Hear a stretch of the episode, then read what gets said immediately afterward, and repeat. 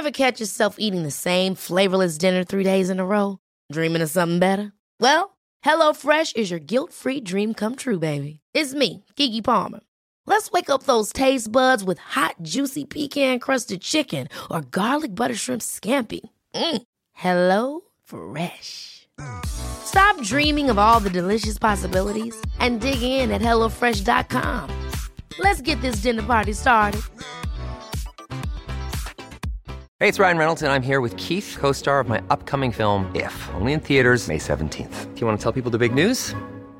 All right, I'll do it. Sign up now and you'll get unlimited for $15 a month in six months of Paramount Plus Essential Plan on us. Mintmobile.com slash switch. Upfront payment of $45 equivalent to $15 per month. Unlimited over 40 gigabytes per month. Face lower speeds. Videos at 480p. Active Mint customers by 531.24 get six months of Paramount Plus Essential Plan. Auto renews after six months. Offer ends May 31st, 2024. Separate Paramount Plus registration required. Terms and conditions apply if rated PG. En jävla fest. Hej och välkomna till en jävla fest med mig, Amanda Koldén och veckans gäst Kalle Möller som är ena delen av duon i Paradrätten. Den andra är ju Sofia Dalén och eh, de är också nu för tiden kända från På spåret. Det blev ett väldigt, väldigt mysigt avsnitt. Jag har inte jättemycket mer att säga om det. Men det jag kan säga det är att eh, det här är den sista det, det sista avsnittet innan en jävla fest tar en liten paus i några veckor. Vi är tillbaka i, eller jag är tillbaka i början av januari och då får jag fresta er med gäster som Britta Zackari, Parisa Amiri och Kristoffer Triumf med flera. En jävla fest det är ju en del av festligt.com och nu finns det ett festligt lekupplägg uppe för julledigheten. Temat är jul och går att köra i de här tiderna oavsett tillställning. Det behöver liksom inte bara vara på julafton. Och såklart finns det också det stora slaget om 2023 uppe. Det är en femkamp om året som gått, både nyhetsmässigt och eh, i ditt privatliv. Grenarna som eh, finns också att köpa separat om ni vill ha lite mindre underhållning på nyår, alltså lite kortare. Ni kanske har egna idéer också, vad vet jag.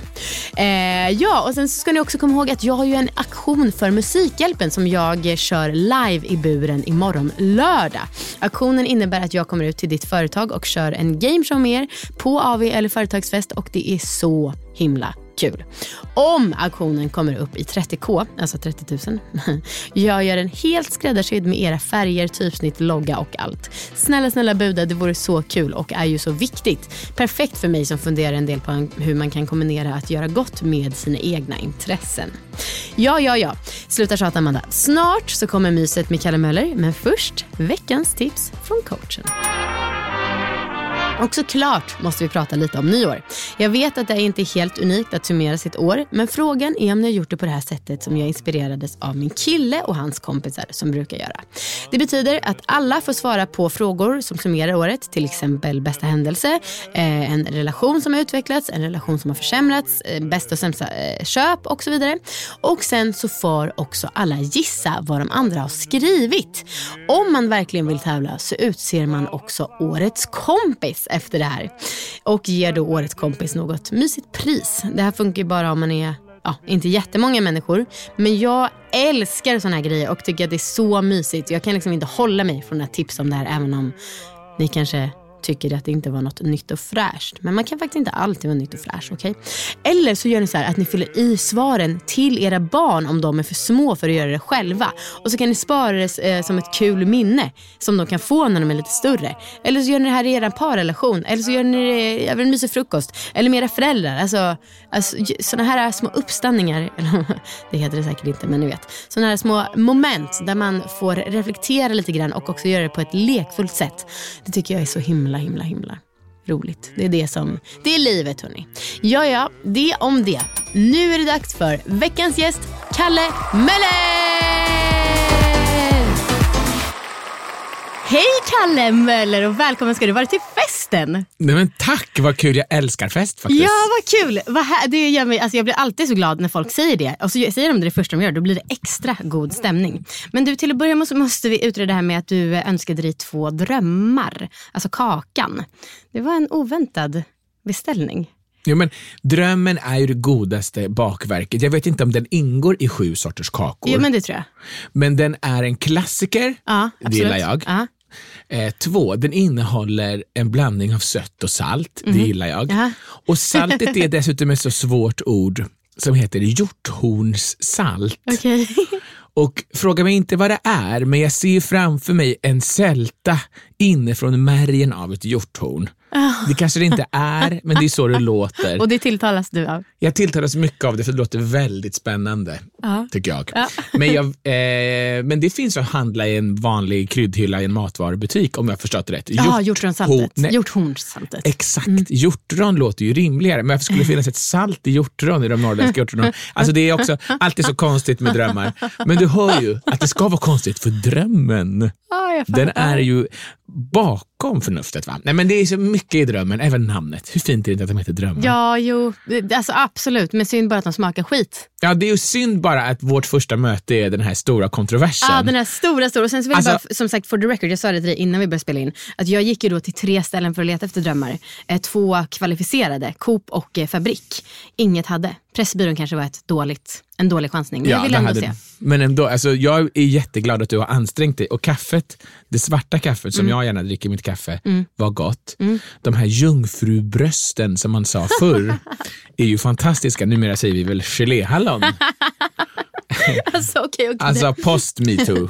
Det här måste ju jag också, att du och din eh, partner Sofia har då fått exakt samma betoning på allt Ja, men jag härmar ju henne så fort jag går och ser en mick och sånt. Ja, ja, och så jag har ju börjat med på grund av henne. Eller vad tänker du på med betoning? Jo men eh, exakt det som det var, ehm, Jungfrubrösten. ja exakt, exakt. Eh, Som Mm. det är som ett skydd typ, när man säger något så här dumt. Det är som att lägga på en ton Mm, funkar ju. av att nu finns det ett mått av ironi. Eller nu säger Mm. Ja, jag det. någonting för att, för att jag är medveten om att det här kan låta illa, men då vill jag signalera Mm. Att, det. att det kanske inte kommer eh, från min övertygelse utan en, en medvetenhet om Mm. att jag kan skapa anstöt kanske eller humor av det. Ehm, då ska det bli spännande att se när du då kommer ner i din allvarliga tonläge. Mm. Men du, till festen. Du älskar fest och det, du känns festlig, det tycker jag verkligen. Vem är du på fest? Eh, på fest är jag en... Eh, oj, vilken bra fråga. Spontant skulle jag säga att jag absolut är den som dansar på fest. Ja, det hoppas jag. Eh, Jag skulle säga att jag på det är en på fest som gillar att glida runt. Jag går nog lite emot lite min generella eh, välmåendes behov i att jag gillar ju att sitta ner och samtala till punkt och ha ett, liksom ett möte mellan fyra eller fler ögon. Men just på fest så tror jag att jag minglar mer än vad jag egentligen mår bra av. Det vill säga jag gillar att flyta runt och det har nog lite att göra med att jag mår väldigt bra av att kolla av att samtliga eh, inom rummets fyra väggar mår bra. Sen kan jag ju aldrig veta det, men det är som ett beteende. Du vet, så här, om jag hostar Även där en när fest. du är passiv gäst och inte bara värd. Ja, att, eh, jag tror nog det. Att jag gillar och så här, är det tryggt i alla, alla hörn så går jag kanske inte och pratar med alla. Det är möjligt. Men jag, jag gillar nog att glida runt. Liksom. Jag blir nog lite lätt uttråkad också om man fastnar på ett ställe. Även om man är inne i ett spännande samtal. För att jag vill liksom att det ska kunna gå. Det, nu kom jag på det. Högt och lågt. Det är det bästa. Så när jag är på fest. Ja. Jag dansar och sen helt plötsligt, nej, nu måste jag isolera mig och då vill jag gå åt hörnet och prata med någon. Ja. Och så tröttnar jag på det och då ska jag upp och dansa. Så det är liksom ryckig. Jag inte- står ju inte liksom fyra timmar i sträck på dansgolv. Aldrig. Nej. okej. Men jag dricker heller aldrig på det sättet. Nej. Och du dricker på det sättet som man dansar? Vad menar du? Ja, om man ska dansa, tänker jag, och vill röra sig, då kan man, man kan liksom inte dansa onykter. Det är liksom, Inte ens du? Magnus Uggla, eh, exakt, har helt fel. Man dansar alltid nykter. Det är min liksom, övertygelse. Sen kan man välja att dricka alkohol eller dricka andra rusdrycker eller socker eller vad man vill ha för att liksom, eh, berusa sig. Det har jag inga synpunkter om. Men i mitt perspektiv, om man vill liksom, röra sig och ha kul, Ja.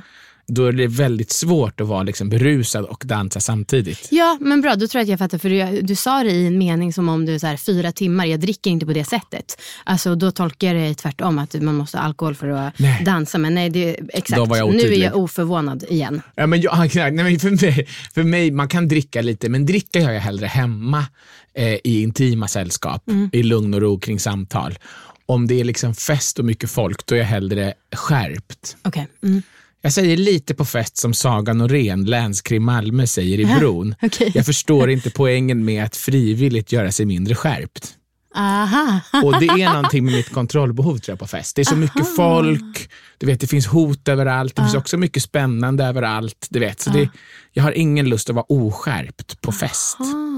Både för att uppskatta det men också kanske för att ha kontroll. Okej. Men om det är en mindre, alltså, vilka känner du dig trygg med då? Eh, vilka typer av människor tänker Nej, du? men liksom, har, har du ett kompisgäng som du vet där du liksom mer kan släppa loss eller vad är det just med? Nej. Nej, om det är så. Om det är liksom, jag har en norm, lagom inom citationstecken eh, intag av alkohol som jag själv har kontroll på. Ett rum där jag känner att här är det bra liksom, stämning. Eh, då är jag nog trygg, lite oavsett med vem. Men jag skulle nog säga att jag är nog mest trygg när man känner folk lite halvt. Jag tror att du och jag efter den här podden skulle ha en fantastisk festkväll, det känner jag direkt. Åh, Du säger inte så bara för att smickra mig nu. För du vet, jag blir kär i varenda gäst jag har. Jag blir så glad nu när du säger så. Så jag bara, fredag vi kör! Nej, men jag tror att det är för du direkt är ju en varm underbar människa. Tack. och jag har, är så dryg att jag tycker att jag har ett bra, jag kan säga att jag har ett bra omdöme när det gäller folk. Eh, men fördelen är att du inte vet så mycket om mig. Så. Ja, det finns inte det. risk att du liksom blir besviken, förvånad eller, Nej, eller besviken. Och därför menar jag att jag tror att i det avseendet är det ganska kul att festa på det traditionella sättet Mm. med dans och lite ytliga samtal och sånt med folk man liksom känner i början av sin relation. Om jag känner någon på djupet Mm. det sitter jag nog hellre och myser över lite rödvin eller Mm. en kopp te eller vad det är för någonting. Gud vad, eh, vad glad jag är. Du la upp den väldigt snyggt till mig. För jag glömde säga det att jag är väldigt, det är kul att få prata med dig nu precis när du då har varit med På spåret och eh, troligtvis kommer breaka alltså hårdare än vad ni har gjort med paradrätten. Att jag nu hann få till det här med dig innan det. Det är väldigt eh, tur då för mig. Tänker jag. Sen har man inte tid att svara i telefon. Nej exakt, så kommer det ju vara. Ehm, Nej, nej, nej, nej. nej. Okej, men du, eh, hostas det egna middagar eller festligheter? Eller renodlade fester? I din lilla våning från 1650-talet? 650 sharp för att vara exakt. Eh, nej. Inte särskilt mycket fest. Nej. Det har, eh, men väldigt mycket spring på folk och festligheter. Till exempel ska vi nästa vecka, vi i På spåret 2023 grupp 2 träffas och debriefa nästa vecka. Den typen av så här, ett glas rödvin eller så här, lite ost. Ja. Max 10 pers. Ja. Det är toppen. Men mer än så, nej det är lite för trångt hemma hos mig. Men sen Ja, då ska jag... ni vara hemma hos dig alltså? Aha, just det. Det var ju det jag frågade om. jag Så hann att- bli så förstrollad av vad ni skulle göra så att jag glömde. Nej, men sånt tycker jag är jättetrevligt och eh, sällskap upp till tio personer. Eh, men fest med betydelse dans och röj, nej, inte särskilt mycket. Sen tycker jag att sånt är väldigt kul att förbereda och planera för. Men jag har en väldigt, en väldigt obehaglig baksida. Som gör att jag står lite ambivalent med en fot i varje läger kring att vara just värd. Och det är att det traditionella orsaken till att du hostar en fest är att det oftast är en bemärkelsedag kopplat till dig själv och där blir det svårt. Okej. För jag vill att jag vill vara den energikraft som påannonserar, driver fram en fest. Sen vill jag helst inte vara huvudperson längre. Då vill jag att vi gör det tillsammans. Men så fort det blir en födelsedag eller något annat, då hamnar man i en huvudpersonsläge som gör det mindre roligt. När jag fyllde 40 till exempel så var jag väldigt mån om att jag ville ha en fest. Men jag ville inte ha en fest där det fanns utrymme för mig i, i, i, i huvudpersonsläge där det finns utrymme för tal och stelt och sittande middag och sånt. Utan det ska vara liksom, alla gör precis vad fan de vill. De klär sig som de vill. De dansar om de vill. Vill man inte så gör man inte det. För jag vet vad jag kommer göra. Ja. Och, vad, ja, Och då det- var det alltså dansa eh, och glida runt och dricka lite om man vill. Det vill man inte dricka, dricker man inte. Och då var enda alternativet såg jag framför mig. Det var på att sitta, det var att sitta med ett parasoll på en sandstrand. Och så bara glida in. Och det liksom lyckades jag tillsammans med en kompis som jag hade 40-årsfest med eh, förverkliga. Vart var det då? Det var på en strand eh, på Solkusten, Costa del Sol. Costa del Sol. Ah, vilken, vilken stad. Ja, men det var utanför Marbella kan man säga. Ah, Mm. Shit. Gud vilken... Eh, Så gillar jag att ha fest. ja, För då var det det verkligen låter inte dumt. Det var perfekt. Ja. Och det går bra nu om man har 40-årsfest i på Costa del Sol. Eh, ja, alltså, eh, jag har väldigt fina vänner, så de som kom, de, mm, det kostar nog lite för dem också om man säger så. Nej, jag, jag kan inte påstå att jag, jag, jag brackbjöd inte. Nej.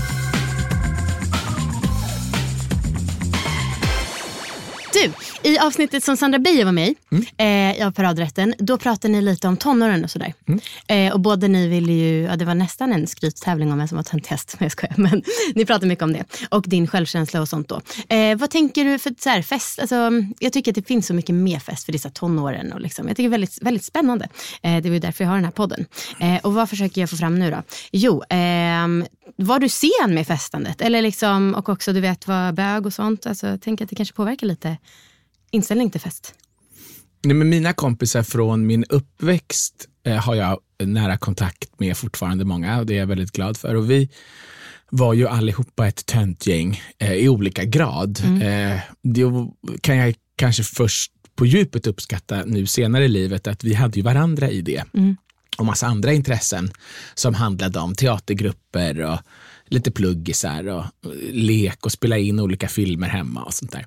Och fördelen eh, jag tror att det har varit lite lätt att fördöma tönten i mig som aldrig smakade på alkohol förrän jag fyllde 18. Och, För dig själv All- eller för andra? Eller Eh, För mig du? själv tror jag. För att så här, gud vad man gick miste om en så kallad tonår ehm, i festandet och så. Men jag kan väl också känna att herregud, det finns ju en helt ungt vuxenliv att ta igen det, om nu det är viktigt. Mm. Och då är jag väldigt glad för det som vi gjorde istället. Mm. Eh, och glad för det faktum att vi inte, någon av mina kompisar då, när jag växte upp, var särskilt inte gjorde våra föräldrar särskilt oroliga och sådär. Det, det har ju också ett, ett, jag förstår väl värdet av det mycket mer idag. Liksom.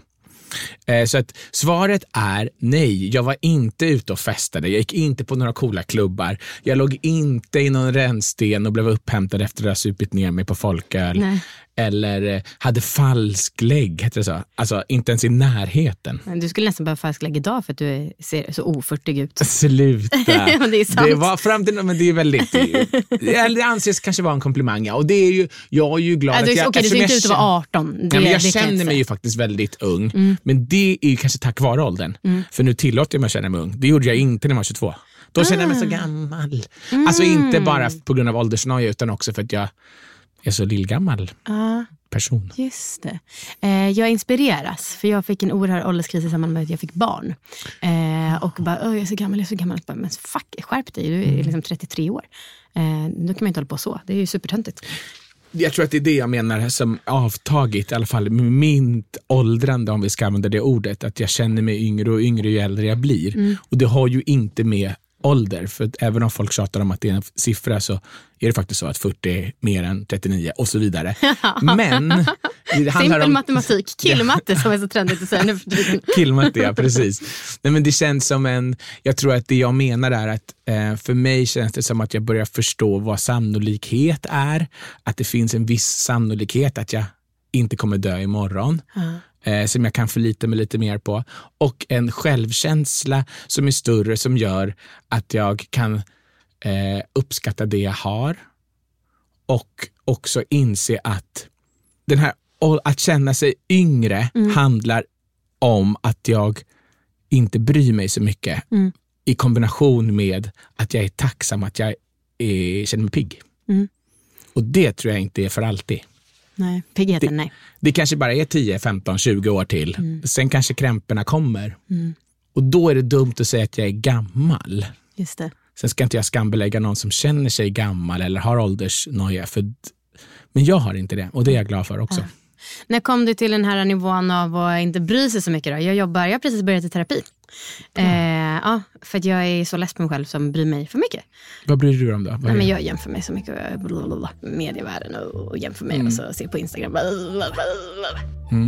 Ja, och det, alltså att jämföra sig tror jag är på många sätt eh, någonting vi inte ska skämmas så mycket över. För jag tror att vi är evolutionärt skapta för att göra det. För att i den värld vi mm, evolutionärt är skapta för, i grupper om mellan 50 och 100 personer, så tror jag att det liksom fyllde en stark funktion att förstå liksom olika hierarkiska värden och sånt. Som kanske inte spelar samma stor roll eftersom vi exponeras medialt för väldigt många människor som vi aldrig träffar. Eller i alla fall inte mellan fyra ögon. Och det kan ju fucka med massa idéer. Ehm, så jag tror inte man ska gå runt och dub, ha dubbelångest för att Nej, man också har ångest. det tror jag kan vara viktigt att tänka på. Ja. Eller det försöker jag tänka på i alla fall. Att så här, ah, känner jag att jag är dålig eller avundsjuk eller räcker inte till så är väl det okej. Mm. Men jag tror också att för mig är den typ av exponering jag har fått eh, när mitt, genom Sofia, eh, det är liksom bara något som har hänt.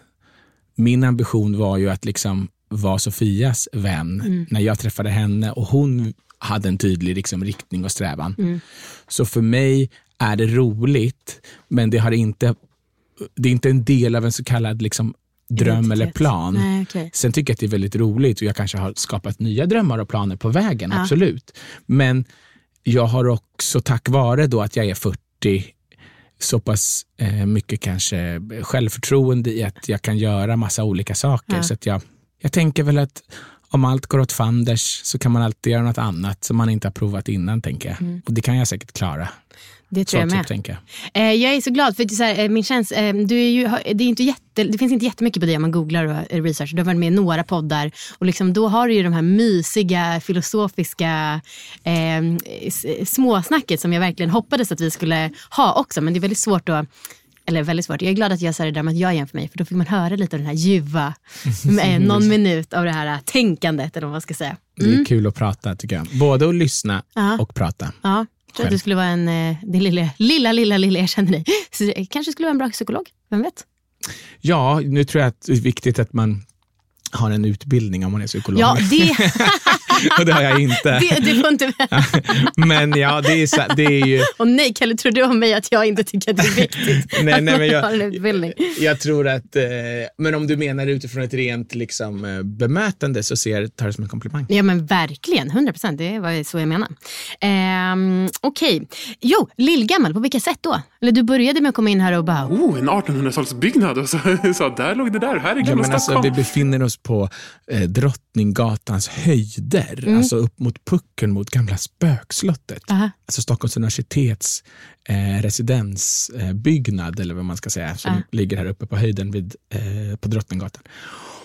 Och precis granne med Blå tornet, Strind, August Strindbergs sista bostad. Och det är ju ett väldigt häftigt område för att det är ju inte liksom det här nybyggda, lite tråkiga Drottninggatan som jag bor vid, utan det är ju det här det gamla Drottninggatan. bor du vid nybyggda Drottninggatan menar du? Ja, gam, alltså, början på Drottninggatan är ju väldigt liksom, renoverat. Det är en Ah, del okej. av liksom, den här Norrmalmsregleringen Ah, okej, okej. på 50-60-talet. Ja, okej. Men här uppe är det ju fortfarande kvar väldigt mycket från förr, slutet på förr, förra seklet. Ja. Ja, fint. Det gör mig faktiskt lite peppad. Jag är ganska ointresserad av historia, tyvärr. Men jag är ändå lite sugen på att kanske närma mig och få lite mer kunskap. En gnutta. Du, din dansbakgrund. Berätta. Ditt wackande. Eh, jag Ja, det var en svängning. älskade att stå på scen Ja. när jag var liten, men jag hade så dålig självkänsla och var så blyg och rädd. Mm.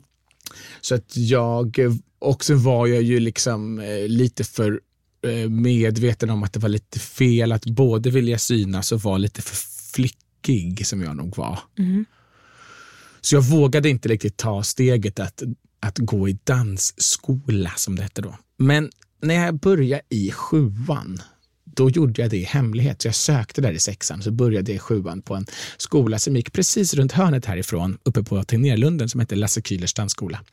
Som var en sån där, lite show och lite yes och, och sådär. Och så var jag väldigt engagerad i det eh, och gick väl mot slutet, alltså typ varje kväll i veckan och sådär, ända upp i gymnasiet. Och hade ju jättelust och ambition att vara med i olika sådana här popindustrigrupper i slutet på 90-talet. A-Teens och de där var ju liksom rekryterades från den eh, showskolan och sånt. Ehm, men jag tror jag förstod ganska tidigt då också att jag inte har star quality. Jag var liksom inte snygg, jag var inte populär, jag var lite eh, blyg och sådär. Sen var jag väl helt okej på liksom rörelsemönstren och rytm, men jag hade ju inte det som var trendigt då. Och då var det som att så här, nej, ska det vara, ska det vara, och är det inte, då får jag försöka vara en del av den världen på, från andra sidan. Så då tror jag jag fattade ganska tidigt att ska jag vara i den här branschen på något sätt, då ska jag inte stå på scen. Okej. Och då började jag hamnade jag i produktion istället genom att jag har filmat så Ah, mycket. Alltså, just det. Men jag är så himla, för jag har nämligen gått typ en kurs wacking och det är väldigt få som har det. Vad är wacking? Ja, men det är det du håller på med med armarna väl? Voguing och wacking. Aha. Det, kan jag bara, så, det är för att man inte har någon, kommer på något annat, man har blivit så gammal så man kan knappt röra sig längre. Nej, men för. Man, man bara viftar typ så här. Ja men inte. det är ju viftar. Ja, det är verkligen inte så. Ja, här viftar jag lite grann. Nej, det tycker fan jag inte. kul. Ja, jag trodde att du verkligen var så här, äh, wack, äh, wackare. Nej, nej, Nej. Utan det är så här, samma som Sofia Dalén har ju ungefär samma bakgrund, även om hon är ju skolad mycket högre upp i åldern och så i New York och så här coolt. Så är det liksom den här jazzen, showen, den här mixstilen som popindustrin använder bakom artister i musikvideos och konserter och sånt. Alltså det är den där lite allmänna liksom underhållningsstilen. Det är ju först nu genom då det jag och Sofia gör som jag liksom har kommit tillbaka till att, att vilja, alltså jag har ju alltid dansat på fest och sånt, snälla, men, men lite så här, ja men fan, nu skiter jag i vilket. Det spelar ingen roll att jag är lite för tönt idag. Nej. Och apropå det, jag älskar ju paradrätten och jag kan tänka mig att många liksom älskar det mycket av den anledning som jag ska säga nu. Det är ju för att ni är totalt icke sådär Stockholmsängsliga. Alltså vissa, vissa P3-profiler, svåra P3-profiler kanske inte skulle hålla på och dansa med sina gäster på det där sättet som ni gör. Men då har jag en fråga, vad tycker du är töntigt? Ehm, Det blev som en indirekt förolämpning, det var inte så jag menade. Oj, vad intressant fråga. För vad, när jag säger töntig nu, då säger, använder jag det ordet lite med en metabetydelse. Mm, alltså jag skulle ju inte... När jag, när jag pratar om mig själv som tönt, då menar jag ordagrant utanför den liksom, coolhetsnorm som handlade väldigt mycket om ehm, alltså, sexuell hög status Mm, och det. vara snygg och rätt och rätt kläder och kanske till och med tjuvröka och sånt där. Mm. Eh, när jag pratar om uppväxten från mellanstadiet upp till gymnasiet. Och på den tiden användes ordet tönt, som jag minns det, mm, för att beskriva de som inte tillhörde den gruppen. Ja, och det nästan var som en samhällsklass. Ja, precis. Töntarna. Mm. De var besläktade med plugghästarna och så vidare. Och jag menar att jag tillhörde den gruppen lite mer. Men sen om du frågar vad tycker jag är töntigt, Mm.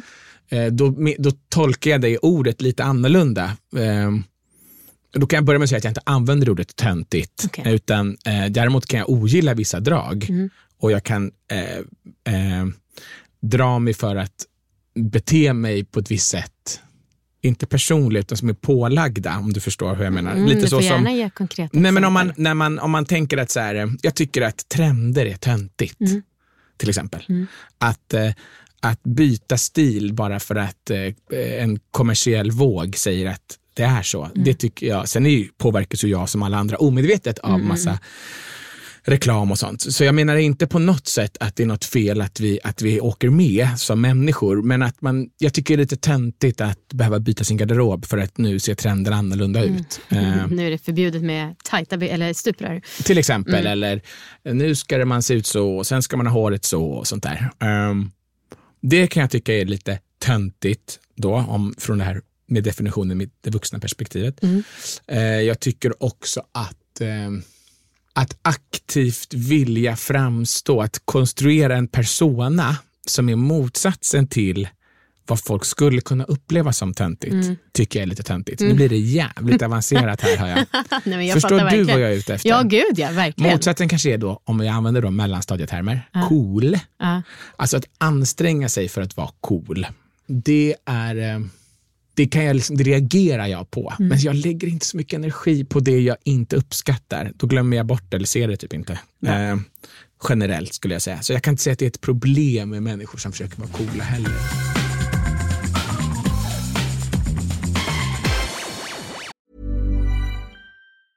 Hiring for your small business? If you're not looking for professionals on LinkedIn, you're looking in the wrong place. That's like looking for your car keys in a fish tank.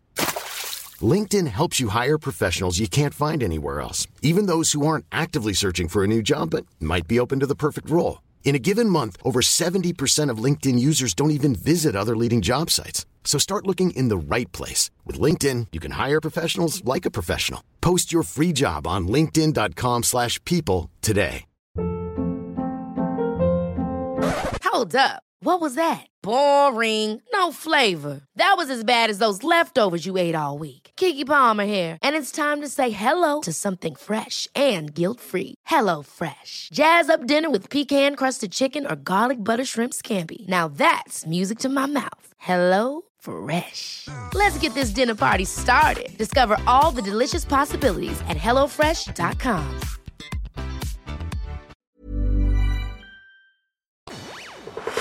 Festliga frågan. Nu ska vi gå vidare och då kommer en festlig fråga och det är en fråga som handlar om fest men inte om dig och fest utan en lyssnarfråga om hur man fixar fest som jag har valt ut speciellt då för dig. Och den lyder så här. Hur hanterar man om man är rädd för att två personer, gäster, inte ska klicka? Till exempel om de har väldigt olika åsikter och sådana saker. När man arrangerar en fest. Eller middag. Eller festlighet. En sammankomst. Ja, eh, för det första, jag blir väldigt glad att jag får den frågan. För att det finns ju en väg att gå och den är ju långt innan man ens hamnar där. Och det är det här jag och Sofia brukar kalla för rädslan för när världar möts. Ja. Att man kan ju undvika att sätta ihop människor som har för olika åsikter. Ja, det går ju. Eh, samtidigt så gör ju algoritmer och alla internetbubblor det åt oss idag. Så att om det är någon gång man ska försöka motverka den verkligheten så kanske det är just i ett fysiskt rum på en fest. Så att det, säger, det är inte ett alternativ, även om jag nu la tid på att säga det. Då tror jag att en väg skulle kunna vara att faktiskt få vara det krävs mycket det här förslaget. Det krävs mycket eh, trygghet. Ja men kör på. Nu är Men jag tror nu. att om du vågar själv vara, det blir avancerat här, Hermes. Hermes. Hermes är alltså den grekiska Inte den här väskmärket. Jo, precis det. Aha. Alltså om du är Hermes, Mm. den grekiska väskan är uppkallad efter Hermes, alltså grekiska mytologins budbärare. Mm. Om du vågar inte ha en åsikt själv Ja. på en middag eller på en fest, men lyssna på båda. Ja. Då kan det fungera. Okej. För du är både värd, Ja. i utgår jag från den här frågeställarens... Yes, eh, absolut. eh, så. Och det finns en liten artighet hos de allra flesta där. Mm. Om du är så pass orädd att du vågar, oavsett vad, eh, du vågar ett, lägga din egen åsikt åt sidan Mm. och stå precis mitt emellan och vara någon form av filter Mm. mellan. Då tror jag både att det kan vara nyttigt för frågan i sig, men så tror jag också att det inte behöver bli så agiterat. För det är det sista man vill på en fest, i alla fall det är min erfarenhet, att man inte vill att det ska bli DS, dålig stämning. DS. Nej, utan man du vill... lär mig så många nya termer. ja, men DS är inget kul. Nej. Särskilt inte på en fest. Nej.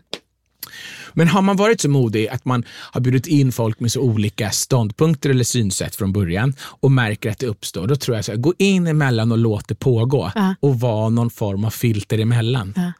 Alltså en ganska vidrig grej i vissa sammanhang, men som kan funka här, det är att säga så här, det Amanda försöker säga är att Ah, just det, just det. Just det. Mm. Eh, jag tror att eh, X eh, egentligen menar, nej jag inte alls. Nej, men utifrån, du vet, Ja. alltså vad en, eh, vad heter en sån här person som fungerar som, Moderator. exakt Ja. det ordet letar jag efter, Ja. tack. Mm. Moderator tror du kan ta på dig rollen av att vara som värd om det uppstår en sån situation. Fyllefrågor. Det här är då frågor som jag är lite mer nervös för att ställa fast inte jätterädd. Men vi låtsas nu att jag har två enheter i kroppen. Och en av de frågorna, det är faktiskt du som sitter och eh, porträtterar era gäster och så. Ni pratade bland annat om Hanna Hellquists otroliga mun och amourbåge. Ehm, Take a look at this face. Och eh, om du var jag, vad skulle du jobba med att förstärka och kanske mindre framhäva? Här är jag. Mm, ditt hår Ja, är ju väldigt tydligt. ja jo. Eh, det är väldigt fint. Ja. Eh, jag, som jag precis sa om, tidigare där om, om, om när vi pratade om töntighet, Mm. så, så här, jag ser ju jag lägger väldigt sällan märke till det jag inte tycker om. Mm, Och Det tror jag är en, en, det är jag tacksam för och jag tror att det är en styrka. verkligen. Alltså jag ser bara vackra saker hos dig och det låter lite platt kanske. Eh, Mm, nej, det låter underbart. nej, men det är också så att så här, jag tror att det är det man ska fokusera på. Ja. För att då blir man själv inspirerad Ja. och då eh, blir man glad och när man blir glad så frigör det säkert massa saker som gör att det är roligare att arbeta och sådär. energi också. Ja. Jag tycker du har väldigt eh, fina, eh, bra ögon. Mm. Bra, nu värderar jag det som att det fanns bra och dåligt. Väldigt vackra ögon. Och de har också en spännande avstånd till varandra. Jaha, gud För du, jag skulle inte säga att du varken har eh, tätt eller långt isär mellan ögonen. Hmm. Du ser ut lite som en sån där Instagram-modell. där man ritar en ring och skulle kunna använda ditt ansikte som en norm. Typ. Har du modellat? Eh, nej, men gud nu låter det verkligen som att jag tokfiskade bara för det här otroliga svaret. Men nej, det har Nej, men- jag verkligen inte. Jag Men ganska att, proportionerligt. Ja, men det kanske, Ja. precis. Jag kan ju inte ens termerna själv. Men det är så jag skulle uppleva. Du har, alltså, så om man ska träna på att måla ett, eh, ett ansikte så finns det ju olika liksom, statistiska, eh, mänskliga... Liksom, Gyllene eh, snittet pratar du om. Eh, ja, men det gäller nog konst generellt. Okej. Liksom, vad gyllene snittet är. Men an, det mänskliga ansiktet har ju en, en statistisk proportion. Ja. See that? The obvious symmetry of the face. This is a natural appeal of the scientific standard of koinophilia.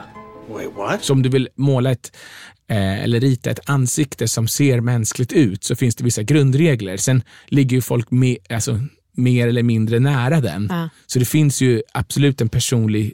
Alla har inte exakt lika långt mellan ögonen till exempel. Nej. Eller lika långt mellan nästippen och överläppen. Eh, men det finns vissa sådana här under antiken var det en gubbe som hette Vitruvius som mätte hela eh, den manliga, då såklart, kroppen som Ja. modell och skapade en, liksom en, en, en normativ kropp med en matematisk relation Ah. Mm. mellan, i alla avstånd i kroppen. Som när den hittades och studerades på nytt under 1400-talet så gjorde Leonardo da Vinci en, en teckning av den. Det är den vitruvianske mannen. Det är en naken man som står med händerna ut och benen utsträckta i både en cirkel och en kvadrat. Just det, ja. Till, om ni känner igen den Ja, bilden eller kan googla på den. Eh, och, och Det är ju ett normativt mänsklig Ah, man. okej, okej, mm. Så. Och, eh, du är ganska nära det, det är mitt intryck That escalated quickly. den där normativa utseendet. Och det gör det lite svårt att måla någon. Faktiskt ska jag säga. Det är ofta svårast. För om man har lite mer utmärkande, det är lite skevt och ut, ja. alltså lite längre ifrån den här normativa eh, avstånden. Då, då är det mer utpräglat. Jag brukar säga att Sofia har väldigt kort överläpp. Den är tydlig. Liksom. Det har inte du. Du har inte lång heller. Jag har väldigt lång överläpp. Ja, Får se här bakom micken. Alltså bred eller? Är lång, alltså mellan näs, Ah. nästippen och överläppen är det väldigt långt. Okej. Huh. Ehm, du, har, du har precis normalt. Gud, det var ju en kul start på fyllefrågor tycker jag. Ja. eh, vad hade varit jobbigt om jag hade frågat om nu? På fyllefrågor? Ska vi ha sex? Det var lite jobbigt. Mm. det... Okej, Ja ja. nej-frågor är alltid jobbigt. För då måste man ta sån tydlig ställning. Då kan man inte prata sig runt det. Då Okej, finns det bara två men- val. Som är så här ändå rimligt. Är det någonting med familjen eller Mhm. liksom sådana saker? Alltså för jag kommer inte fråga om vi ska ha sex. Du är ändå Nej. inte hetero och jag har en sam fast man. Ja. Eh, alltså jag är inte så... Nej. Nej. Alltså vad skulle du kunna... Det är intressant. Vad skulle kunna vara jobbigt? Ja. Jag skulle gärna vilja bli överraskad med något som skulle vara jobbigt. För jag Ja. kan liksom inte komma på något. Nej. Ingen som kommer direkt så här som, oh. Nej, men kan du inte bara Jo, jag kör. chansa? Jag bara undrar. Nej, men chansa, för chansa. det vore Ja, nej, jag. Det vore spännande. Yes, eh, ja men okej. Eh, nej, jag har ju skrivit ner några här. Mm. Eh, men det är liksom, jag själv tycker att det är ganska lätt att prata om förhållandevis svåra saker. Mm. Så, men ibland så blir jag överrumplad när gäster har varit här och bara, eh, kan jag få lyssna för vi pratar ju om så stora saker. Jag bara, gjorde vi?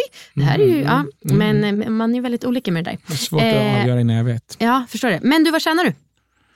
Eh, väldigt lite just nu. Mhm. Ehm, men jag har ett företag eh, Du som... omsatte ju ändå två mille förra året eller något sånt.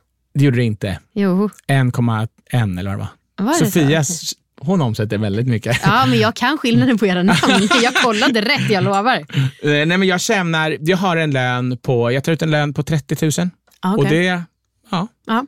det tycker jag känns, det klarar jag mig bra på. Men väldigt lite just nu. Jag tar in väldigt lite i mitt bolag just nu, för Okej. jag jobbar ju inte som vanligt. Jag jobbar bara med paradrätten typ. Och det. målar och gör massa saker som jag inte tjänar pengar på. Jag är van att jobba på uppdrag och sådär. Eh, och vad lägger du pengar på? Har du någon eh, splurge? Eh, jag shoppar inte så mycket. Eh, nej men så, jag, mm, jag nog lägger pengar på att eh, äta och handla bra mat. Mm. Skulle jag nog säga. Tänker du mycket på vad du äter? Eh, ja, Ja. men inte vad jag stoppar i mig så mycket. Men vad jag äter, ja. Att det ska vara gott och det ska vara njutbart och det ska vara varierat. Och. Försöka lyssna på vad jag är sugen på. Men vadå, vad är skillnaden på att äta bra och tänka på vad man stoppar i sig? Alltså jag, jag, jag äter inte bra utifrån en idé om vad som är hälsosamt. Nej, okej, jag har ingen liksom... du vill jag ha har ingen- kvalitet? jag vill uppleva något. Mm. Eh, det betyder inte att jag behöver alltid njuta fullt ut. Mm. För jag tror att njutningen kommer av att också vara lite avhållsam ibland. Mm. Men i så tillvida så eh, om jag inte känner att jag vill laga mat, Ja. då lagar jag inte heller mat. Och det kostar ju pengar. Ja. menar jag. Att eh, gå och hämta något färdigt och så vidare. Ja, det är det. På vägen hit nu så åt jag eh, på ett ställe som gör sån här eh, Indian street food. Ja. Alltså det är så dyrt för en liten wrap. Det är så gott. Alltså, det är så gott. Så det är sånt jag lägger pengar på. Det hade kunnat äta en tallrik fil liksom. Ja. Ja. Men det vill jag inte. Nej, please don't. Ehm, nu kom jag på, fast det är inte, alltså, jag är inte så nervös, men hur känd måste man bli för att få vara med i paradrätten? Man behöver inte alls vara särskilt känd. Nej, okej. Men man behöver, eh, vi behöver hitta en bra mix Ja. mellan eh, tre saker tror jag. Mm. Eh, en person, och det behöver inte finnas i alla personer utan det behöver finnas över säsongen. Ja. behöver vara tillräck, eh, en variabel är tillräckligt stor för att dra in tittare. Ja. Två, eh, tillräckligt intressant för mig och Sofia. Mm. Och tre, tillräckligt varm för att komma in i min lägenhet. Ah, wow, och det tredje kriteriet, hur, hur avgör man det på någon som man aldrig har träffat? Det finns ju verkligen någon som har sin eh, online-persona. Eh, ja, har jag- är vi än så länge aldrig misstagit oss. Okej.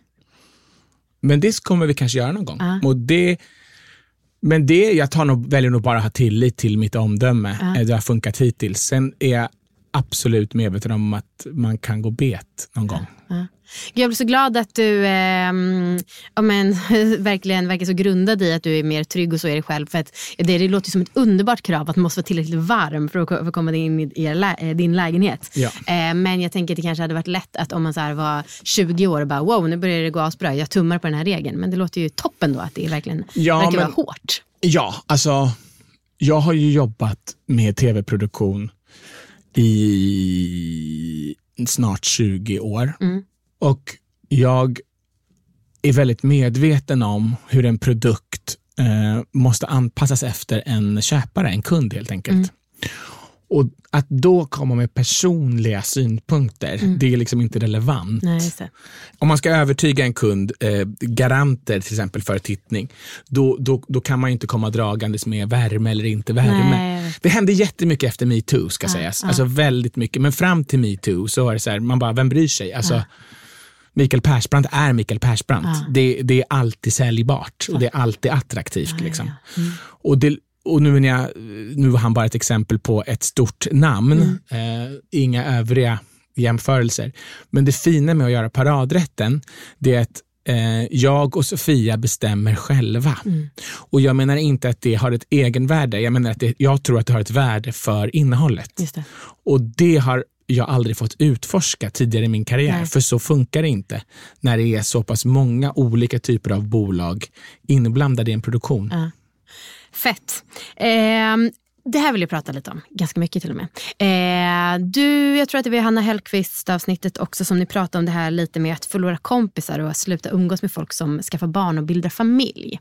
Eh, berätta allt du tänker kring det här och anledningen till att jag frågar är dels för att det är spännande men också för att jag själv inte tycker om att vara i den här åldern mellan 30 och 40 när alla börjar skaffa barn eller så är det några som inte kan få barn. Alltså, jag lever ju väldigt heteronormativt då. Eh, eller så ska man gifta sig eller så ska några separera. Eller, alltså, det är så jävla känsliga grejer. Tycker det är plågsamt. Ehm, berätta om... Ja, och för det första blir jag lite berörd för jag känner verkligen med dig. Jag Åh, tycker att det är sorgligt att du eh, mm, har gjort något av det största man kan göra som Ja. måste vara fantastiskt, Ja. att bli förälder. Ja. Eh, och samtidigt ska du gå runt och känna så här. Ja. Det är tråkigt. Jag menar på något sätt, jag älskar barn och skulle gärna och umgås gärna med barn och är gärna en förebild för eh, barn och större barn och yngre vuxna eller, äl- eller äldre. Och, alltså alla. Jag tycker om att umgås med människor oavsett eh, kognitiv nivå eller eh, utbildning eller erfarenhet och så vidare. Eh, det är alltid lärorikt och roligt. Så där, det är inte det det handlar om. För mig handlar det om att jag är uppvuxen i en miljö och jag tycker fortfarande att jag på många sätt eh, är i en eh, normativ verklighet av att det finns massa regler för hur man ska leva sitt liv om man är förälder. Sannerligen. An- annars är man en dålig förälder Ja. till och med. Ja. Och jag har också all respekt för att när man gör något så viktigt som att bli förälder, då är det lite farligt att riska. Det är ungefär som när folk sa till, på 80-talet så sa man till föräldrar att man skulle lägga deras barn liksom på mage och Mm. sånt. Och så gjorde folk det, fast många säkert kände att det var fel. Ja, just och det. det visar sig senare att Det var fel. det var fel. Mm. Men som förälder så tror jag att det är svårt att lyssna på sitt sunda förnuft. Mm. Och ett sunt förnuft tror jag är så här, jag tror att det är bäst, det här är min gissning bara, men vill man vara en bra förälder så tror jag att det är väldigt viktigt att ta ansvar för sitt eget välmående. Mm. Men det sunda förnuftet kanske det är lite svårt att lyssna på om det finns massa andra röster Mm. i samhället som säger att man ska göra ditten och datten. Och man ska vara i sin tvåsamhet och man ska mm, ha sina rutiner och vad, vad det nu är för någonting. Men jag tror att det allra viktigaste är att om föräldrarna är harmoniska och mår bra, då kommer, man, kommer de allra flesta vara också bra föräldrar. Och jag då som är så pass eh, självisk och eh, ensam att jag har ganska mycket tid att se till att jag själv mår bra, så blir det lite dissonans i den där tiden när mina kompisar har småbarn. Just det. Det har varit eh, både lätt och svårt liksom, med att vara, mm, upprätthålla kontakt. Mm. Kan du känna att du skulle ju- undviker att lära känna folk som du vet att det finns en risk att det bildas barn? Eller skaffas barn? nej, nej, jag ska inte säga. Inte alls. Men jag skulle väl säga att jag tror att de allra flesta också känner av att det jag har med de som är föräldrar inte handlar så mycket om barnen. Jag menar, jag menar så här, jag utsätts inte särskilt mycket för att behöva lyssna på blöjbytesnack och sånt. Nej. Alltså om det är det, om, om det var det vi pratade om i paradrätten, jag minns inte riktigt. Men det är inte där skon klämmer riktigt, utan för mig handlar det snarare om att det inte finns så mycket utrymme för umgänge som det var förr. Alltså Mm. Det var ju en gyllene tid mellan 18 och 30. Det var när- det sannerligen. Fan vad jag saknar det. Ja, där alla levde som jag lever fortfarande. Ja. Man bara, jag vet inte riktigt. Och man kunde vara, vissa pluggade och vissa jobbade och jag har ju jobbat väldigt tidigt så jag har alltid varit väldigt strukturerad. Eh, I inte kunnat liksom, eh, leva för dagen och så. Men själva det sociala liksom, mötet var så spontant Mm. och sen helt plötsligt efter 30 så upplevde jag att jag var en, en, en odd one out väldigt Mm. mycket. Jag fortsatte leva på samma sätt. Liksom. Göra det jag behövde och vill kunna vara spontan med kompisar och sånt. Sen finns det absolut jättemånga undantag, men jag upplever att de allra flesta gick in i liksom en tvåsamhetsfåra. Och det är väl det jag brukar hävda oftast, att den stora normen när man pratar om queer, eh, behovet av liksom queer perspektiv till exempel, så upplever inte jag att liksom läggning är den stora eh, normativa utmaningen vi har i just eh, sek- den romantiska eller sexuella frågan, utan det är just tvåsamhetsnormen är mycket mer påver- den påverkar vårt samhälle och vår kultur mycket mer eh, än vad eh, um, hbtqi plus-läggningen gör. Det som vi kanske ser så normativt att vi knappt märker det, det är ju tvåsamhetsnormen. Ja, ja. Liksom. Mamma, pappa, barn-idén. Ja. Eh, så, Verkligen. Eh, vad är ditt civilstånd? singel. Singel? Jag har varit singel länge. Eh, med Tio typ. glädje eller Både och. med sök? Jag är väldigt romantisk och jag är väldigt... Eh, jag har ett väldigt känsligt hjärta. Är eh, lite ointresserad av att ha någon för sakens skull och har aldrig riktigt sökt heller ett visst typ av liksom civilståndsliv som är något annat. Jag skulle inte kalla mig singel heller, för det betyder också väldigt mycket i min Just värld. Mm. Alltså ett visst typ av beteende och så. Men jag är jätteintresserad av eh, kärlek på alla sätt. Men jag är nog väldigt... Eh, jag tror att jag har utvecklat en psykologisk liksom, eh, programmering, kanske man kan säga, över tid, som är väldigt passionsinriktad. Så jag kräver nog väldigt mycket av passion för att jag ska välja att ändra eh, liksom vardagsbeteenden i mitt liv. Liksom.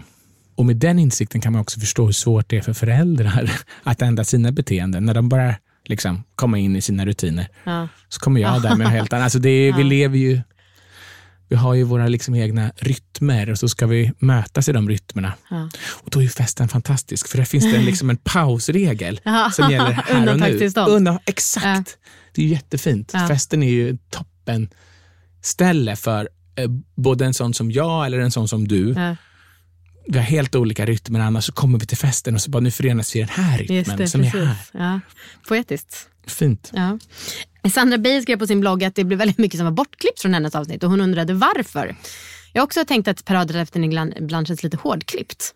Nej, men det är för det är så otroligt långt. Det blir ingen som man kan titta i två timmar på paradrätten. det. Alltså, Det är det, bara enkla svaret. och Det var ingen och mörk längre. hemlighet där om gräddtårta. Jag blev väldigt nyfiken om själv, som ändå har liksom ganska mycket mediaerfarenhet, reflekterade på så här, ja, vad sa hon egentligen som de inte vill ha med? Nej, hon sa, ehm, jag tror att hon är väldigt tacksam för det vi, det klippte bort. Okej. För det handlade om en person jag var, var väldigt kär i som var hennes vän. Ah, okej, okej, ja. Ehm, då, när det begav sig för 20 år sedan. Ja. Det har ju eh, framgått att du har varit lite tveksam till att ta steget från bakom kameran till framför kameran. Eh, och du har pratat lite om så här orolighet och så. Men det finns, finns det något mått av poserande i det?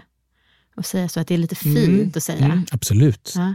Det handlar om jag, vad jag är skolad i mitt yrkesliv. Ja. Ehm, från den liksom, tv-bransch jag kommer från så finns det två tydliga klasser har jag upplevt. Okej. Det är de bakom och de framför. Ja. De framför är en liten, liten skara eh, med väldigt mycket makt, men som vi den stora gruppen bakom både älskar och föraktar i någon form av symbios. Och det är lite, jag tror att jag, eh, kanske inte poserande, men det är ett absolut ett skydd mot alla de som jag har jobbat med i alla år. Att visa också att så här, det här är inte odelat positivt eller lätt för mig. Men jag måste erkänna att jag jag har, det har väckts eh, det här barnet som dansade på Lasse Kühlers mellan, som ville göra det långt innan men som inte vågade förrän jag började i sjuan. Den personen har ju väckts i mig under de senaste två, tre åren. Kul. Eh, och då får folk tycka vad de vill. Men jag tränar nog varje dag lite på att acceptera att nej, men jag vill stå på scen och jag vill vara framför kameran och Just jag det. vill inspirera. Men jag kanske inte vill det till vilket pris som helst. Vem vill det då? Ingen kanske. Mm. Vissa. Eh, Men ett fåtal. i fåtal. Alltså jag tror att jag vill också förankra liksom det jag är intresserad av i kulturhistoria, filosofiska samtal, eh, konst, mänskliga möten, värme. Alltså, men det är ju så flummigt. Va? Jag har ingen aning, jag är också en kris som vi pratade om, eller att du var i. Alltså jag vet ju inte vad jag... Förut kunde man säga så här, men jag jobbar med, är tv-producent eller... Vadå, Det räcker väl gott att säga att man jobbar med succérätten Paradrätten? Succéprogrammet Jo, jo. Paradrätten. Nej, men jag är jättetacksam för det. Det är bara att jag, för mig har det gått så fort. Ah, så att, okej. så här, jag, innan har det varit så här, men nu är jag det här projektet, nu är jag Melodifestivalen, nu är jag Mm. det. Nu är, alltså, vet, man kan alltid, det, det är så tydligt, så blir man positionerad utifrån sin arbetsuppdrag för stunden. Men nu, nu är det inte så. Mm. Nej. Utan det är som att jag är på en resa framåt. Och jag är jättetacksam, men det är lite läskigt. Mm. Så att, ja, jag tror att jag skyddar mig. Mm. Men nu har jag bestämt mig för att jag tycker att det här är jättekul. Men det känns svårt att bara prata så himla mycket om sig själv, men min mun går ju hela tiden så att så knip käft ibland tänker jag. ska man stå och hålla din käft. Åh, nej Kalle, jag äh, unnar dig allt gott. Eh, jag undrar, börjar det klia i din kropp nu? Du börjar röra på dig lite så Nej, börjar men du det är bli bara för att jag rastlös. tycker, nej, inte alls. Nej, bra. Utan snarare att jag blev lite själv, fick lite självinsikt att jag pratar så jävla mycket. Men det, just det här formatet är det ju meningen att du ska prata. Ah, jag tänkte det också, men sen började jag bli tveksam. Nej då, det är så bra så. Okej, bra. Ja. eh, här är en fråga. Engelsk bio på, bio på Insta, but why? Har jag engelsk bio? Mm. Gud vad intressant. Det har jag inte tänkt på. Den är så gammal nämligen. Den är kanske tre år gammal. Ja. Och då tänkte jag att jag är väldigt, eh, jag lägger ju aldrig upp något från mitt, det jag tidigt kallade mitt yrkesliv. Mm. Alltså när jag är ute och gör andra projekt. Jag lägger egentligen bara upp paradrätten relaterade grejer och rena eh, personliga eller konstteckningar och sånt. Mm. Då tror jag jag tänkte att här, men det är ett, det är ett liksom, jag pratar aldrig på Instagram. Alltså, Mm. eh, och då tänkte jag att då kanske det är bra att folk fattar. Hoppas inte jag får dig att gå hem och ändra nu. Nej, men det är jag tog ner dig på jorden på jo, det men det sättet. kanske vore, för jag har också tänkt senaste tiden att men den enda publik jag riktar mig mot är ju på svenska. Ja. Jag skriver ju alla beskrivningar, eller vad det heter, eh, captions, i, eh, på svenska och så. så att det kommer jag nog ändra. Det kommer jag nog. Ja. Välkommen till en jävla festpodden som drar ner dig och tar ner dig till- på Det jorden. händer ibland på fester. Ehm, du, eh, om inget oväntat händer så är du den sista gästen jag har innan podden tar ett litet jullov. Ah. Eh, har du något, eh, ja, något du tycker man kan göra på jul eller nyår som är kul? Eh, ja, Min familj något- läser Bibeln varje år. Jag tyck- Inte hela. Mitt standardtips är att de eh, traditionella sakerna ska man både värna om, men de tror jag att man värnar om lite per automatik för de allra Mm. Flesta. Så jag tror att försök göra något du aldrig har gjort på jul, även om det bara är en minut. Mm. Ja. Alltså det kan vara att eh, Alla ställer sig i downward facing dog. till exempel, gör en yogaposition Mm. eller gör en, rita en teckning eller skicka ett sms till Mm. någon som du aldrig brukar höra av dig till på jul. till exempel. Sen finns det ju vissa mer inom ramen för traditionella saker som jag tycker har gått lite förlorat. Alltså skicka julkort, det gör man kanske inte på jul, det gör man väl typ nu. Ja, Men det är, alltså det, är det finaste ah, med jul. ljuvligt. Alltså Postnord, nu är jag reklam för er. Men du hade det, det såg man. Hade vad då? Brevbärarhjärtat. Nej. Viljan att nå ut till människor till varje pris. Nej men alltså bara köpa frimärken, tänka ut något härligt julförsändelse med någon filosofisk uppmaning om året som kommer eller Ah. året som har gått med någon fin teckning. Vad skulle din filosofiska uppmaning vara till? Jag har haft allt möjligt. Ja, Men? Mm. genom åren, ja. Jag kanske gör vartannat år. Jag vet inte vad jag gjorde förra året, så det är kanske är dags i år. Ja, det. Men jag, eh, vi har gjort allt ifrån, alltså vi har gjort lite paradrätten julkort, Ja. det har vi nu gjort senast. Sen har jag gjort allt ifrån, något år så gjorde jag en, eh, nu ska vi se vad det heter, jag gjorde en eh, eh, kartusch från eh, Nya rikets dödsbok, alltså fornegyptologi. Och det herre, var, det, det var det var franska för mig. Jag bara... Vroom, I fornegypten så hade, fanns det massa olika bönbesvärjelser i deras mytologi som eh, lades i graven och lästes i samband med gravsättningen för att då, i samband med mumifieringsprocessen och sånt. Okej. Och då var det, är det en bön och de eh, skrevs med hieroglyfer i små, ska man säga, halv eh, pratbubbleformade ringar kan man säga, som kallas kartuscher. Och då är det en som jag för mig är typ att du ska gå ut i livet med kontakt med din ka och din ba-själ. Det är olika typer av själar som, som alla människor har, båda två i, i, i sig, då i fornegyptologin. Och jag gjorde någon form av sån grej kopplat till att våga liksom gå ut. Jag kommer inte ihåg, men var, jag ritade en massa hieroglyfer och höll på. Och någon gång så gjorde jag någon naken man som har liksom korset i ena handen och Hur många får de här ljuvliga korten? Nej, men då, en blandning av någon man är lite nyfiken på, någon man har älskat länge och någon man är lite kåt på. Vet du vad jag gjorde ett år? Skickade ett sms med, till alla jag hade legat med under året och skrev eh, eh, Gott nytt år, det här får alla mina ligg i år. Och så skickade jag en poserbild och till en som jag var väldigt förtjust i så skrev jag Det här skickar jag till alla som jag har legat med i år och dig har jag legat med i fantasin. Åh gud vad bra, det kanske jag ska göra. Ja, Eller do. man kan skri- göra någonting, för jag gillar att skicka julkort även till så föräldrar och Ja. släktingar och sånt. Men man gör den grejen, men skickar till alla. Ja. Här är en lista på alla legat med. Då. Underbart. Det är oversharing, typ inom parentes. Mm. Eh, en, en sak som jag kom på att jag glömde fråga. Eftersom att du var lite tveksam till att ta steget framför kameran. Det var ju en, jag visste inte ens att På spåret recenserades. Men när jag googlade så hittade jag en recension på Aftonbladet eh, som inte var helt positiv. Har du sett ja, den? Ja, nej, Sofia har nämnt den. Ja, blir man ledsen? Jag har inte läst, jag skulle aldrig läsa en recension. Nej, okej. Eh, Det kanske är jobbigt att jag då Nej, men jag och Sofia har ju pratat om det. Sofia har till och med gått in på Flashback och allting. Okej, men blir du ledsen och sånt? eh, ja, jag är medveten om att jag kan bli väldigt ledsen, Mm. alltså läser jag inte. Nej, Alltså jag, jag är, eh, men jag har aldrig läst av allt man har producerat och jobbat med genom åren. Eh, För att inte tala om såna riktiga tyckfester som är producerade för att ska vara tyckfester, typ Melodifestivalen. Mm, jag har aldrig läst några recensioner där heller. Jag tycker inte att det är jag tycker inte att det ingår i mitt uppdrag. Alltså, det är okej med åsikter. Ja. Eh, Det är också okej med recensenters åsikter. Men en recensents åsikt är liksom inte mer värd än någon annans åsikt. Nej. Men det är väldigt lätt att säga. I praktiken så eh, bör man vara medveten om, och jag är det, att jag blir väldigt påverkad. Och då vet inte jag vad det fyller för syfte att få den informationen. Nej, verkligen. Jag tycker också konstigt att recensera ett... Ja, inte. Men jag är Nej, men vi var ju inte, i det program som sändes så var vi inte särskilt kunniga. Jag har inga problem att någon ifrågasätter det. Men om, om, om recensionen, nu vet jag inte för jag inte läst den, men om den är formulerad som att det handlar om att recensera våra personligheter, vad ska jag göra med den informationen?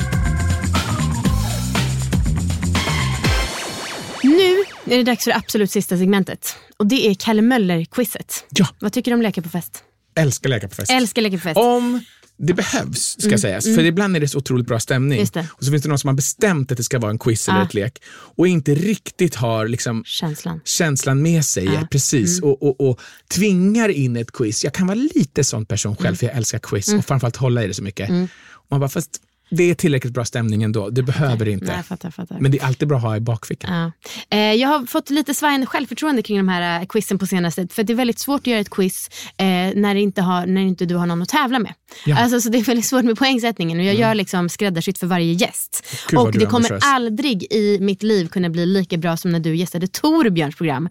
Eh, och Anita Clemens också var där. Han hade klippt Gud vad du har ut... lyssnat. Ja, ja, men jag förbereder. Eh, Mm. Men dels, fuck vad du var bra på musikquiz. Och sen också, Torbjörn hade något segment där han hade klippt ut Idol-instick så att ni fick göra som en audition. Ja, ja, som ja. om man gick in på Idol. Det var helt otroligt. Det var typ det bästa jag hört. Bästa tävlingsmomentet i radio. Mm. Alltså nu var ju det Torbjörn som kom på det segmentet men du var ju också sinnessjukt bra då som fiktiv Idol-deltagare. Var jag? väldigt, väldigt kul. Man har Ja. gjort några säsonger av Idol genom åren. Eh, så att det här quizet kommer vara en procent så bra som det var. Helt enkelt. Eh, Jag kommer spela en låt, eh, eh, tre låtar och du, varje låt har med dig att göra med in direkt. Du kommer förstå varför när jag läser följdfrågan. Och du får ett poäng för rätt artist, ett poäng för rätt låt och du säger när du kan. Är du redo? Jag är redo. Klara, färdiga, gå!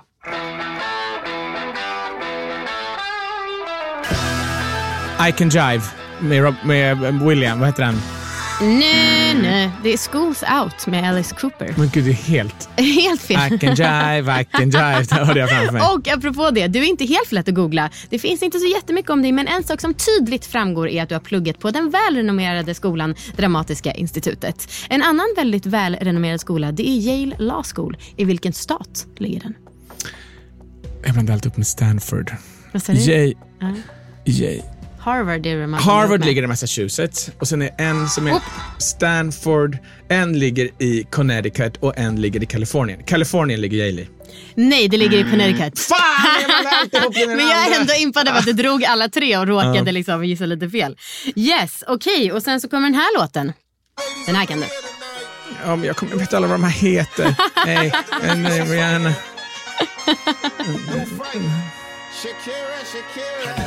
Ja, det är väl, ja det är, det är en sån där featuring Ja, men vadå, de sjöng ju till och med artistnamnet. Ja, Shakira och... Wyclef Jean. Wyclef Jean. Och låten- comme ils disent en France. Låten heter Hips Don't Lie och vad har den Mm. här låten med dig att göra undrar du? Jo, dels har du väldigt dansanta höfter. Sen så är det också att om man googlar Kalle Möller så kommer din namne Kalle Möller med C upp och han kallades tydligen för Kalle Möller Storljugen. Mhm. Och nu ska du få tio, nu ska du säga fel svar på tio snabba men väldigt enkla frågor. Och du, måste klara, du har 15 sekunder på dig och måste klara minst hälften för att få ett poäng. Ja, Okej, vilken färg har en apelsin? Rosa. Vad heter du? Fri, Filip. Vilken stad är vi? Eh, Göteborg. Vad heter din parhäst på, på, i På spåret? Frida. Vad heter podden vi spelar in just nu? Eh, eh, eh, tabernaset. Tabernaset. Som sagt, jag måste göra de här. Det, eh, du fick inte poäng, men det var också för att jag hade gjort helt omöjliga regler. För 15 sekunder har redan gått. Så jag hann inte ens läsa frågorna. Men det var, fortsätt då, det är kul. Det var roligt. Okej, okej. Nu kör vi jättesnabbt då. Vilket gymnasium gick du på? Eh, enskilda. Vilket datum är det då? Den 14 december Vilket år blir det nästa år? 2026. Vilket ljud gör en ko? Miau. Avsluta låttiden julen är... Där. ja, jättebra. det, var, det var inte tyckte jag var snabb, mest snabbtänkt. Sista, sen ska jag släppa iväg dig. Jag hoppas, eller eh, ja, du hinner ta en bild med mig efter det här också va? Såklart, jag Bra. så bråttom är det inte. Okej, bra. Okej, sista låten i Kalle Möller-quizet kommer här.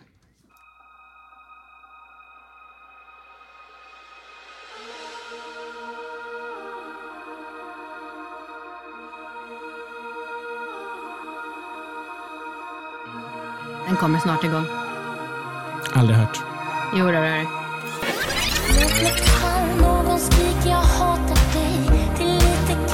Har du inte hört den här? Men gud, det är så sjukt. Alltså, man har ju så. Är det Marianne Bryant typ? Eller något sånt? Nej, det är Little Jinder. Little Jinder. Det vet du ju Åsa vem det är. Jinders dotter. Ja, precis. Och låten heter Super 8. Mhm. Ja, och det är inte helt långsökt om man tänker att den här låten också handlar om konst, även om det då är fotokonst och inte målande, så som du pysslar med. Nu tror jag att det här kommer vara jättelätt för dig, för du har redan namedroppat hur många artister som helst. Eh, men ja, du är ju hittills inte en världskänd konstnär, men kanske blir du det en dag. Och världskända konstnärer har man koll på ofta, i alla fall minst ett verk som de har gjort. Till exempel Da Vinci, Mona Lisa, Michelangelo, Adams skapelse och så vidare. Men Picasso, är det min dåliga allmänbildning? Eller vet man inte en enda tavla av honom? Eller kan du? Det finns ju väldigt många, men till exempel Guernica. Du kunde. Där fick du ett poäng. Men det var nästan, hur många fick du då? Kanske bara två totalt. Äh, nej, förlåt, förlåt min superdiss. Men... Ja, jo, men det gick inte så bra. Nej, det Musiken gick- var väldigt svår. Var mu- musiken Mycket väldigt svår? Ja, Schools jag Out är var väl väldigt inte... dålig på populärkultur. Ja, okej, fast du var jävligt bra där i Tor. Det var helt otroligt. Ja, men det alltså. var väl bara för jag att det tror, råkade vara lite mello-grejer Ja. som just när jag jobbade med mello. Typ. jag tror till och med att jag drömde om att du var så bra på musik. Nej, men jag, jag, jag har mycket, jag är väldigt dålig på att hålla mig uppdaterad. Men sen så fastnar så konstiga saker. ja, okej. Men det här med att hålla sig uppdaterad i liksom nuet, alltså Ja. det kommer så mycket nytt hela tiden. Alltså det är jag väldigt dålig koll på. Ja, ja. Jag är mycket bakåt i tiden också och läser gammalt och sånt. Ah. Roligare när det har gått 15-20 år. Då bara, ah, nu börjar jag fatta vad Backstreet Boys är. Så typ. Jinder, om du hör det här om 20 år, Ja. då kommer han veta vem du är. Exakt. eh, du, tusen tack för idag. Men tusen tack. Alltså Amanda, du är jättegullig. Tack, alltså, detsamma. Men det känns bara som att jag pratar om mig själv hela tiden. Det gör inget, det är verkligen eh, du meningen. bara, det går så under, du har så mycket frågor så man hinner ju inte ens liksom kontra med någonting. Nej, men det går så bra så. Men du, eh, du som ändå jobbar med TV, finns det någon person som du tycker borde vara här? Eh, som kanske du har lättare att få mig i kontakt med än vad jag själv har? Som jag har lättare att få kontakt med ja, än men du. alltså, du vet, Va? en kul person som vore en kul gäst här. Som du eventuellt skulle kunna TV-person tänker du på då? Ja, men Ehm, att det skulle vara en kändis. Liksom. Ja, men jag skulle nog säga att en person som är helt underbar, Mm. en vän och fantastisk människa, Mm. som inte får visa det så mycket i sitt jobb, Mm. det är Per Lernström. Ah, jag har haft Får kontakt. visa, jag menar han får ju visa jättemycket av sin Ja. känsliga sida, men Ja. han är också rolig och Men han är vill snabb. han vara med? Jag tror han bara tackar nej till allt sånt här. Jag har hans nummer. Bra, messa Ja. då. Säg att jag har sagt att han ska vara med. Ja, det ska jag göra. Har du någon fråga till honom? Mm. det kan man inte säga högt. Eh, Säg jag efter. har... Jo, jag skulle vilja veta vad gör honom arg? Vad gör honom? Yes, bra. Då är det jag som smsar Lernström. Kul! Tack! Kör! Hej då! Hej då!